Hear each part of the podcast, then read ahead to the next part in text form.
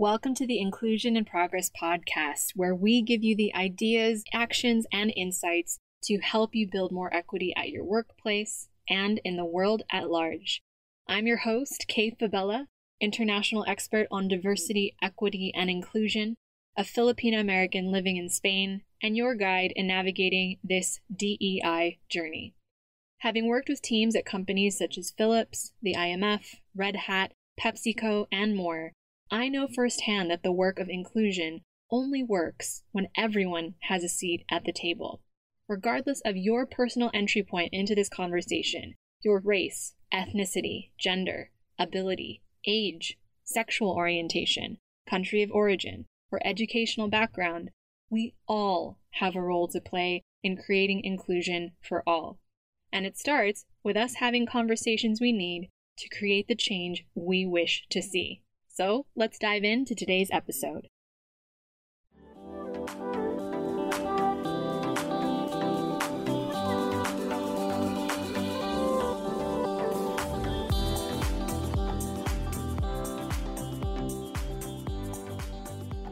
Hey, y'all. I don't know about you, but I'm pretty tired today. And most days I genuinely try to avoid the news because I know how important it is to safeguard my mental health while doing DEI work. But of course, when you work in diversity, equity, and inclusion alongside fellow humans who, like you, are trying to support often excluded groups at work, the news always finds a way to you somehow just from reading my feed this morning at the time of this recording, it's another day. We've woken up to news about Black American lives and Asian American lives senselessly murdered in my birth country of the US. It's another day we're hearing about the heartbreaking war in Ukraine. Another day that we hear about the rollback of freedom for women in Afghanistan. And as a daughter of Filipino immigrants who's been following the recent elections in my parents' home country, it's another day that we witness how easy it is for our political institutions to backslide or be corrupted. That's not really news, is it? And all this while, you're trying to lead DEI work.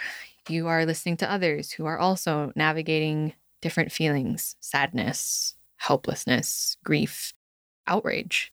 And you're often called to lead hard conversations between humans navigating feelings within the often limiting constructs of a workplace environment. You also know that you may not always succeed at finding a solution during the time that you're given. You're often called to hold space for hearts that are grieving while speaking words that the audience that you have in front of you can hopefully identify with and understand, depending on lived experiences and cultural contexts. You also know that you may not always succeed in reaching everyone. You're also called to push aside your own feelings and your thoughts and maybe even your own opinions as you remain deliberately neutral in some circumstances, remembering that you're operating within the context of an organization that is looking for you to help and not to cause more harm. You also know that you may not always succeed Knowing how much is riding on your efforts and knowing that you might not help everyone is a huge responsibility that often falls on the shoulders of maybe it's one practitioner or a small team in an organization. So it's little wonder that DEI practitioners have been experiencing burnout at high rates. Kind of the irony that it's mental health month. and it was because of the conversations we've been having over the years with others within this work, and especially over the course of this past week, both operating in their roles within and outside of companies that inspired today's episode. Because we know the value in helping support those who are leading inclusion across different corporate and cultural contexts, alongside trying to keep their own mental health and well being and sanity centered. And we want to continue to ensure that conversations like the one that we're having today reach the people who would most benefit. So, if we can ask you a favor in return, if you could please just take five quick minutes to leave us a review for the podcast on either iTunes or Spotify, it really helps to reach those who would gain value from these episodes, especially what we believe is a really very, very necessary conversation, an open conversation like this one around mental health within DEI. And so, if you are inspired to leave a review, especially if you are a longtime listener, we will leave instructions for you to do so at the link in the show notes. So, at the time this episode is coming out, as I shared before, it is Mental Health Awareness Month in the US, or just after Mental Health Awareness Week in the UK. And if you've been listening to this podcast for a while now, you will have heard some version of my own mental health journey and why I am a fierce advocate for self care and community care and having conversations like this one. If you wanted to go back through our archives, listen to an abbreviated version of my mental health story in episode 23 and a much longer, more detailed version back in episode 65. But if you are a newer listener, first, welcome. and here is the quick summary. So, back in 2009, as a newly employed university graduate with student debt in the midst of a global recession, who at the time was completely unaware of her own family's history with mental illness as a daughter of Asian immigrants, I experienced burnout. It began a year long battle with clinical depression, and I was 22 years old. So, learning to live alongside mental illness, specifically depression and anxiety, has been an ongoing journey ever since. And you know how there's moments in your life where you look back and you start to unpack a different layer of an event that happened to you that significantly shaped who you are? Well, I've learned things like being in a toxic work environment, being raised in a performance driven culture, actually, cultures as a Filipino American daughter of immigrants, and inequities of opportunities for folks like me. All of those things, all of the different layers every year that I look back on that event just combine into this perfect storm. And the longer that I work in DEI, the more obvious those connections become. And I'm not just talking now about my own story, but in those of the people who I've worked with since who have also been kind enough to share their own mental health journeys with me. To this day, I'm always slightly, how do I put this, on edge because you never really know when your mental illness will knock you out. It'll just come out of nowhere. It'll debilitate you for days, for weeks, sometimes months at a time. And it just sweeps in without warning. It means I've had to, in between those moments, have developed an incredible amount of discipline in maintaining my self care practices, regular exercise and nutrition and meditation, going to therapy, being mindful of my relationship with technology, being mindful of relationships that I keep and choose to build, and even things like developing my cultural and emotional intelligence to be much more mindful of my triggers when they come up during my work to make sure that I'm able to identify them quickly and not transfer or potentially transfer my trauma onto others. It also means that while I'm grateful I have a business that my team and I have co created to support my mental health and hopefully theirs as well.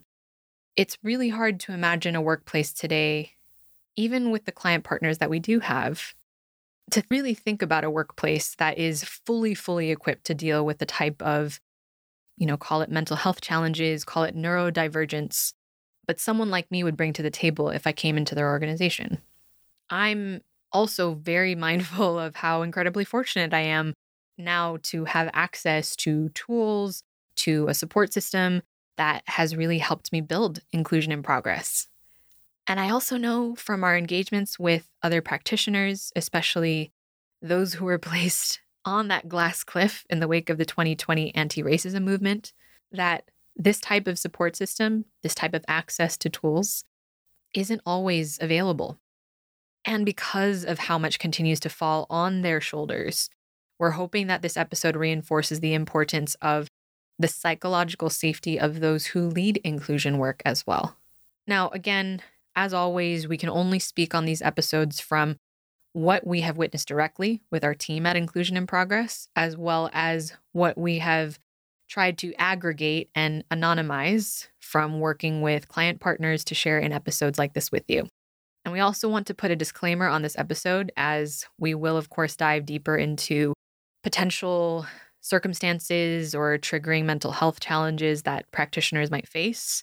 And we want to again share we are not mental health experts, but we do invite you to be on the lookout, especially if you're somebody who's in a situation like this one, for any triggers that this conversation might have for you. If you need to pause and come back to it, we encourage you to do so. And if you're someone listening to this who is not a practitioner, but is keenly interested in contributing to inclusion and equity at work, we hope that this serves as a reference for you for how you can help ease the burden that DEI leaders might face and empower you to know how you can support them. So, all that aside, done my housekeeping. Without further ado, let's dive right in. So, the first thing we want to look at is why DEI practitioners are more prone to burnout. Now, there's a bunch of different reasons around this, but let's start with a chief article that was published in August 2020. Maja Hazel accurately summarized the experience of DEI leaders. I'll read the quote directly. Quote, Many companies don't understand what's required to make diversity and inclusion initiatives successful because they don't properly view them as strategic change management initiatives that impact every area of the business and the bottom line. They are viewed as siloed, human resources concerns, and treated accordingly. Many DEI leaders are set up for failure due to a fundamental misunderstanding of their necessary role. End quote. Now, one US based study found that 76% of organizations still hadn't set diversity goals in 2021, leaving many DEI leaders and their colleagues without a shared sense of how to gauge success in their roles. This has, of course, led to many differing views. when you have to invent the role, of course, you're going to have a different idea of the purpose of the role and whether leaders in those positions are making an impact on the areas that require change. And while it's true, there aren't necessarily any KPIs to numerically document how much an employee's sense of inclusion affects their work performance, try as we might. The effect will be clear as day when they leave and when they cite that they haven't felt valued, they haven't felt heard, that they haven't felt seen. And that will directly damage both a company's bottom line and reputation. So, as the DEI industry continues to mature, now is the time that we should start thinking critically about how we can create more robust systems that measure inclusion before that person is at the exit interview. And doing so in a way that removes the burden of success from one person or one DEI consulting firm's one off workshop or workshop series. And actually thinking how to provide metrics that help those systems adjust course as necessary.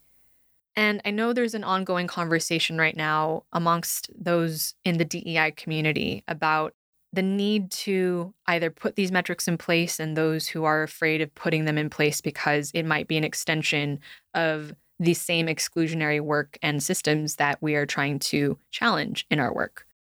But I firmly believe that the more that leaders like us have alignment and clarity around the organizational diversity, equity, and inclusion goals, when they have clear metrics for success, the more that leaders who are tasked with implementing these initiatives will have clarity, will be able to focus, and will have the means to gauge the impact of their efforts and adjust accordingly. And this is one of the reasons that we published our last episode, 89, on DEI metrics, because many companies, even pre pandemic, often left inclusion initiatives under resourced and understaffed because we hope that by starting and seeding this conversation for all of us, that it serves as a guide for what companies should expect when they're rolling out a larger DEI strategy across the organization. Having clearer expectations about what is and isn't part of a DEI officer's remit is also a huge part of mitigating burnout for practitioners leading this work because you're reducing decision fatigue when you have to switch gears in facilitating an allyship training for your ELT one day and reporting on succession planning for diverse talent the next, and so on and so forth. When everything feels urgent, a DEI leader's ability to implement anything effectively suffers and often leads to burnout. Another thing to keep in mind when we're talking about why practitioners might burn out is this. For many people who find their way into DEI work, there is often, not always, but often, a very personal connection. Obviously, this includes yours truly and the members of our team here. But the folks that we've interviewed on this very podcast, from places like Amazon to Adobe to Airtable and more, have also shared how they got into this work because they were either from or intimately close to a historically excluded background. That lived experience, that personal connection to the work is often very rewarding for chief diversity officers or DEI leaders. But equally, it can also take a toll when something happens in the wider world that affects people who live or look or love like them. Just look at what happened this week. Leaders are intimately connected to communities who feel the pain of a public incident of racism, of homophobia, or outright discrimination. And they're often asked to put their own feelings aside to support fellow employees who are suffering and those who are looking for guidance on how to support their colleagues without causing harm. And often these leaders don't have space to let their guard down and process their own pain because most of the time they're the only person tasked with guiding others. Which is why it's unsurprising that every single practitioner we've had the opportunity to work with has told me they have a therapist. because they need somewhere to offload emotionally when the work gets too overwhelming so that they can keep going. Now, this requires leaders to not only be the only person representing the DEI function, but sometimes, in many cases, they're the only voice in the room representing all underrepresented communities. The role is also often removed from senior leadership within organizations, and their role is often not given the proper budget. They're not given the proper team capacity, and not even the buy in from leadership to make progress, which leaves a lot of DEI leaders that we've spoken to feeling stuck and frustrated. It also can lead to situations where DEI leaders feel they're being tokenized. They might feel, in some cases, we've heard isolated. Some have even shared with us that they feel unsafe in their role, which hinders their ability to actually drive the results and the strategies they're trying to roll out to the organization. Or some have shared with us that their personal connection to this work means that they're taking on more emotional labor despite their own feelings of lack of psychological safety because they're worried that the work won't happen or move forward if they're not there. So it's usually a combination of lack of resources, lived experiences, and not just a personal connection, but a personal sense of responsibility for the work to continue that leads to DEI leaders burning out. Next, let's look at how workplaces are structured, specifically, how the systems that DEI leaders are looking to support often hinder them from achieving their objectives, which also leads to burnout. The continued racial inequity that we've witnessed in the past three years, alongside the great resignation or the turnover tsunami, if you prefer that, those things led to an increased pressure for business leaders to make progress on DEI initiatives. Companies were called upon to take up the mantle around issues related to social justice, some of them for the first time. So, of course, we saw all of those public commitments to equity and inclusion. And we saw many leaders at organizations feeling very personally responsible to fulfill those commitments by putting in place a chief diversity officer or placing a greater emphasis on people and culture initiatives overall. So, privately, client partners shared with us that without George Floyd, they would never have been able to use words like anti Blackness or anti racism in a work environment, or that they'd never been able to discuss mental health openly at work until the COVID 19 crisis brought things like anxiety and depression and workplace wellness, caregiving responsibilities, neurodivergence, accessibility, and all of the things that we could easily hide when we were outside of the workplace, but couldn't hide in our own homes. And it brought all of that, especially the larger conversation around mental health, front and center. Now, this is encouraging for our team to hear because it means that the conversation has evolved light years from where it was. But we've also heard the grumblings and misgivings and even just resignation from some who have been leading inclusion work in some form for years. That it almost feels like a bitter pill to swallow, knowing the circumstances, the tragic circumstances that prompted companies' renewed interest in DEI in the first place. But like many initiatives and organizations, DEI work is prompted by the pressure of people, both within and outside the teams of DEI leaders and beyond. And it's that pressure to meet every DEI initiative urgently that also promotes burnout in practitioners. We see the pressure come from leaders who are often looking to the practitioner to lead conversations when they're unsure or afraid of saying the wrong thing. We've seen the pressure come from employees who are more likely to not just voice their concerns productively, but are also just as likely to criticize the DEI lead when their expectations aren't met as fast as they would like. And ironically, the most pressure we've seen often comes from the communities that the DEI leader tends to identify with, who, in our experience, can be some of the biggest supporters when they feel that their group is centered in the conversation, and some of the harshest critics when they feel that their DEI leader is not moving fast enough for their groups as they would like. On top of all that pressure, the capacity on diversity and culture and talent teams is at an all time low, as many of the teams have left positions for new opportunities or are taking a very well deserved career break. Turnover also tends to be highest for these types of positions in DEI because companies rolling out strategies for the first time are often poorly informed about the type of energy and resources and people actually needed. And even for some of the companies we've worked with that already had DEI strategies in place, it's easy for progress to go south when an unskilled leader or a team member who's ill equipped is put in place. Practitioners are in a unique position in organizations to affect change, but another reason they face burnout is because they're also tasked with being the figurehead and the spokesperson within the organization. Ask any practitioner, and they'll tell you it feels like a constant balancing act between trying to determine when to push initiatives versus allowing individuals to figure things out on their own journey. Or it's a balancing act on when to highlight progress made while also acknowledging that the work doesn't and will not advance equally at all levels of the organization because DEI practitioners know that it's a combination of cultural, of organizational, and behavioral change.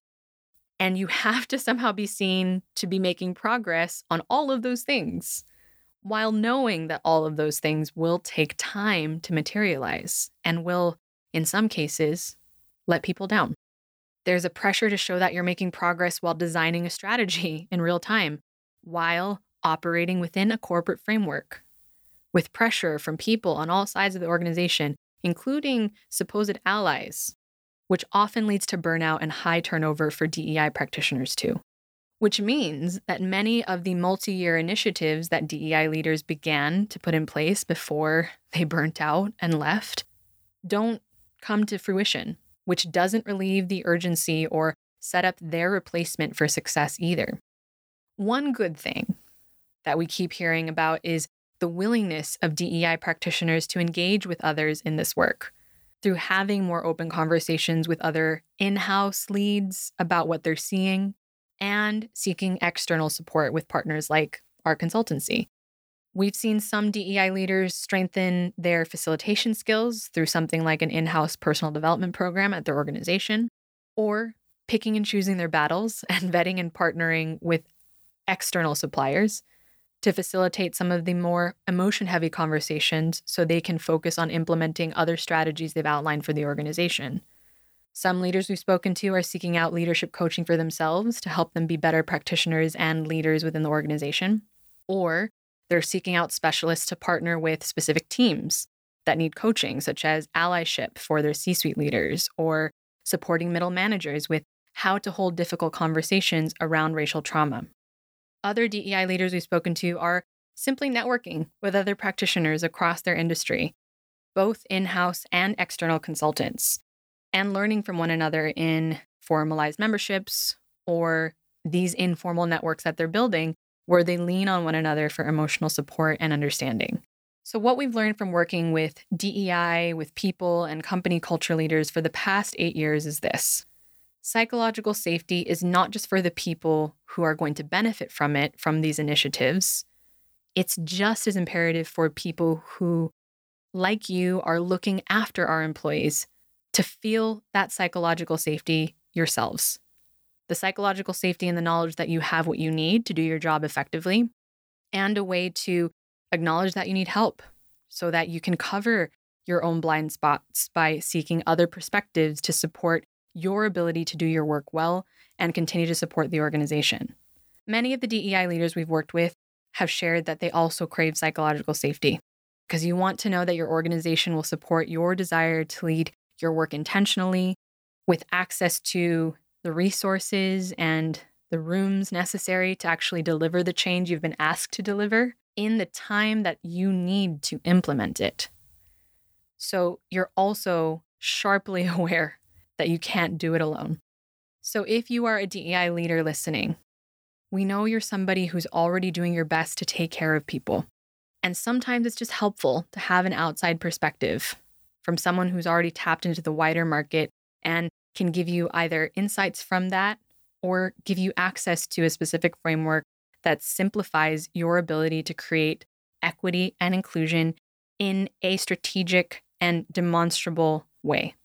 Because now more than ever, organizations need leaders like you with the integrity to tell the truth, with the vulnerability to say, I don't know, the courage to ask for and accept help when you need it, and the guts to act in the interest of others. Now, achieving psychological safety for remote teams will continue to be a core component of your DEI strategy. And we realize that's become even more challenging as teams continue to diversify, to spread out across the globe, opt for full time flexible work, and change in their expectations of what they want to see in the workplace. Which is why Inclusion in Progress with our experience is here to help. Our 100% remote team spans APAC, EMEA, and the Americas, and we've worked with the likes of Red Hat, Instagram, the IMF, and Philips to support remote teams with equity and inclusion since well before the pandemic. So, having the perspective of a trusted partner to help you foster inclusion for your virtual or hybrid workforce means you have one less thing to worry about while you're implementing the rest of your DEI strategy across the company. So, if you would like to learn more about how you could work with us as a client partner to boost morale and engagement at a time people need it most, head to the link in the show notes to get in touch with our team or email us at info at inclusioninprogress.com. We've opened up slots for consulting and training for client partners for Q4 and Q1 in 2023. So before we close our calendar for the rest of the year, we would love to share how we could partner with you this year to foster inclusion for your remote teams. Finally, let's take a look at the last reason why DEI practitioners hit burnout the expertise trap. Now, as we've shared on this podcast before, the DEI conversation began in the 1960s in my birth country of the US.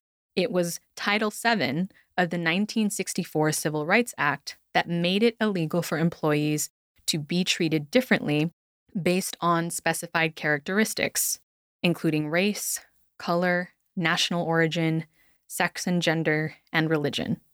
This established what we call legally protected classes, which is the basis of many of the DEI strategies that we see today around recruitment and representation and retention.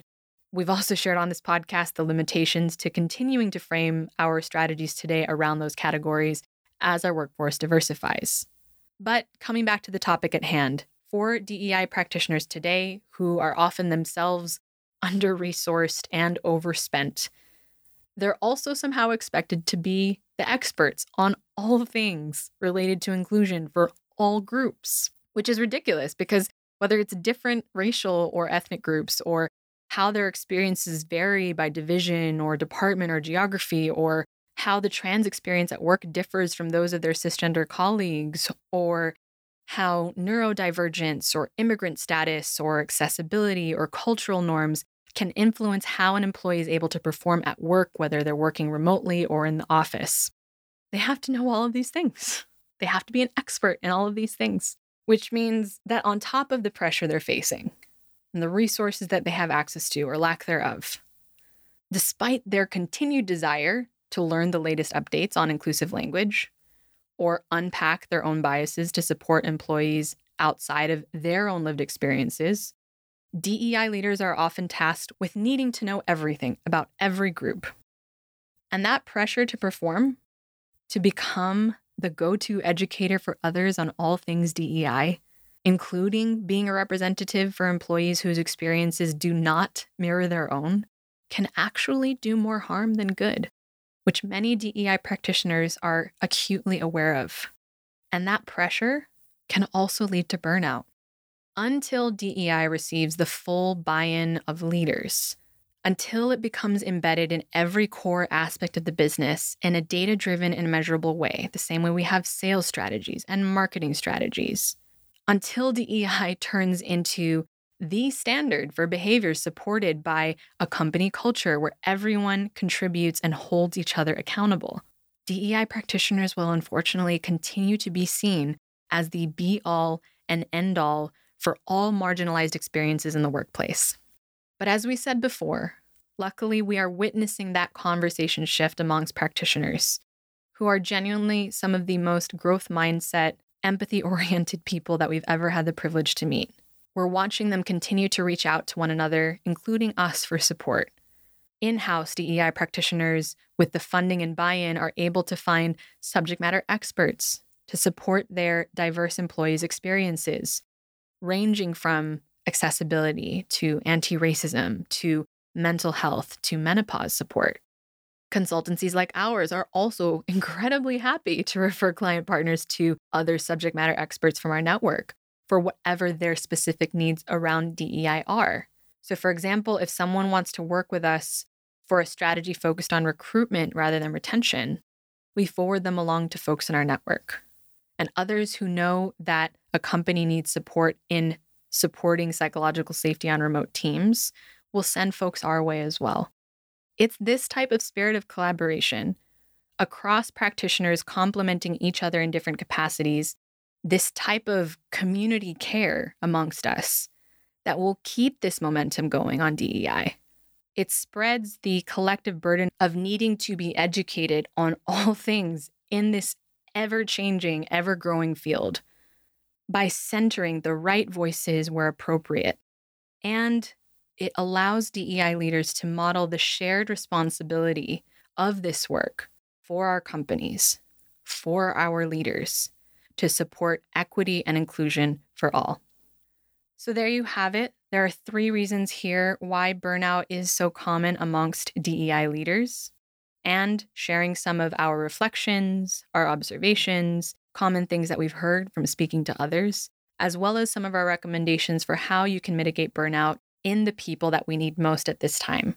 Psychological safety is a term that's often thrown around interchangeably with DEI, but it's important to remember that it's not just for the people who are on the receiving end of it, i.e., the employees in your organization. It's also really important for you as a people leader to be able to benefit from that psychological safety too. To know that you have everything that you need to do your job, to ask for help, to lead your work with intention, to have access to the resources, the rooms, and the time that you need to implement what you've been tasked to deliver. We know from speaking to many of you that DEI leaders really have to have each other's backs. And sometimes it's helpful to just have somebody in your corner that you know you can call on for a specific piece of work or consultation or perspective that you are able to gain from having an external practitioner tapped into the wider market. Because for this work to continue, we need leaders like you who know that they need to tell the truth, say when they need help, to raise the issues that require expertise and partnerships and collaboration, and the courage to act in the interest of others who will benefit across the board from having access to greater psychological safety. We also know that a core part of achieving that psychological safety is knowing how to create it in our remote first environment. We also know from having done this for eight years that it's even more challenging as our teams continue to work in a distributed way, as they're all navigating different levels of mental health, time zones, or different flexible work arrangements and expectations, which is why Inclusion in Progress is here to help. Using our psychological safety framework to support remote teams, we work with DEI leaders like you to help you design your DEI strategy for a virtual workplace. So you have the perspective of a trusted partner and hopefully one less thing to worry about when you're implementing the rest of your DEI strategy for the people who need you most. So, if you'd like to learn more about how to work with us as a client partner before 2022 ends, head to the link in the show notes or email us at info at inclusioninprogress.com. Thank you so much for listening. Again, we really appreciate you continuing to have this conversation, not just about diversity and inclusion, but specifically how to support the leaders that help our people. And if you have any questions, feel free to get in touch with us at the link in the show notes. And as always, please share this with as many people who would most benefit from having access to these types of conversations. We'll see you in the next episode. Until then, please take care of yourself and be well.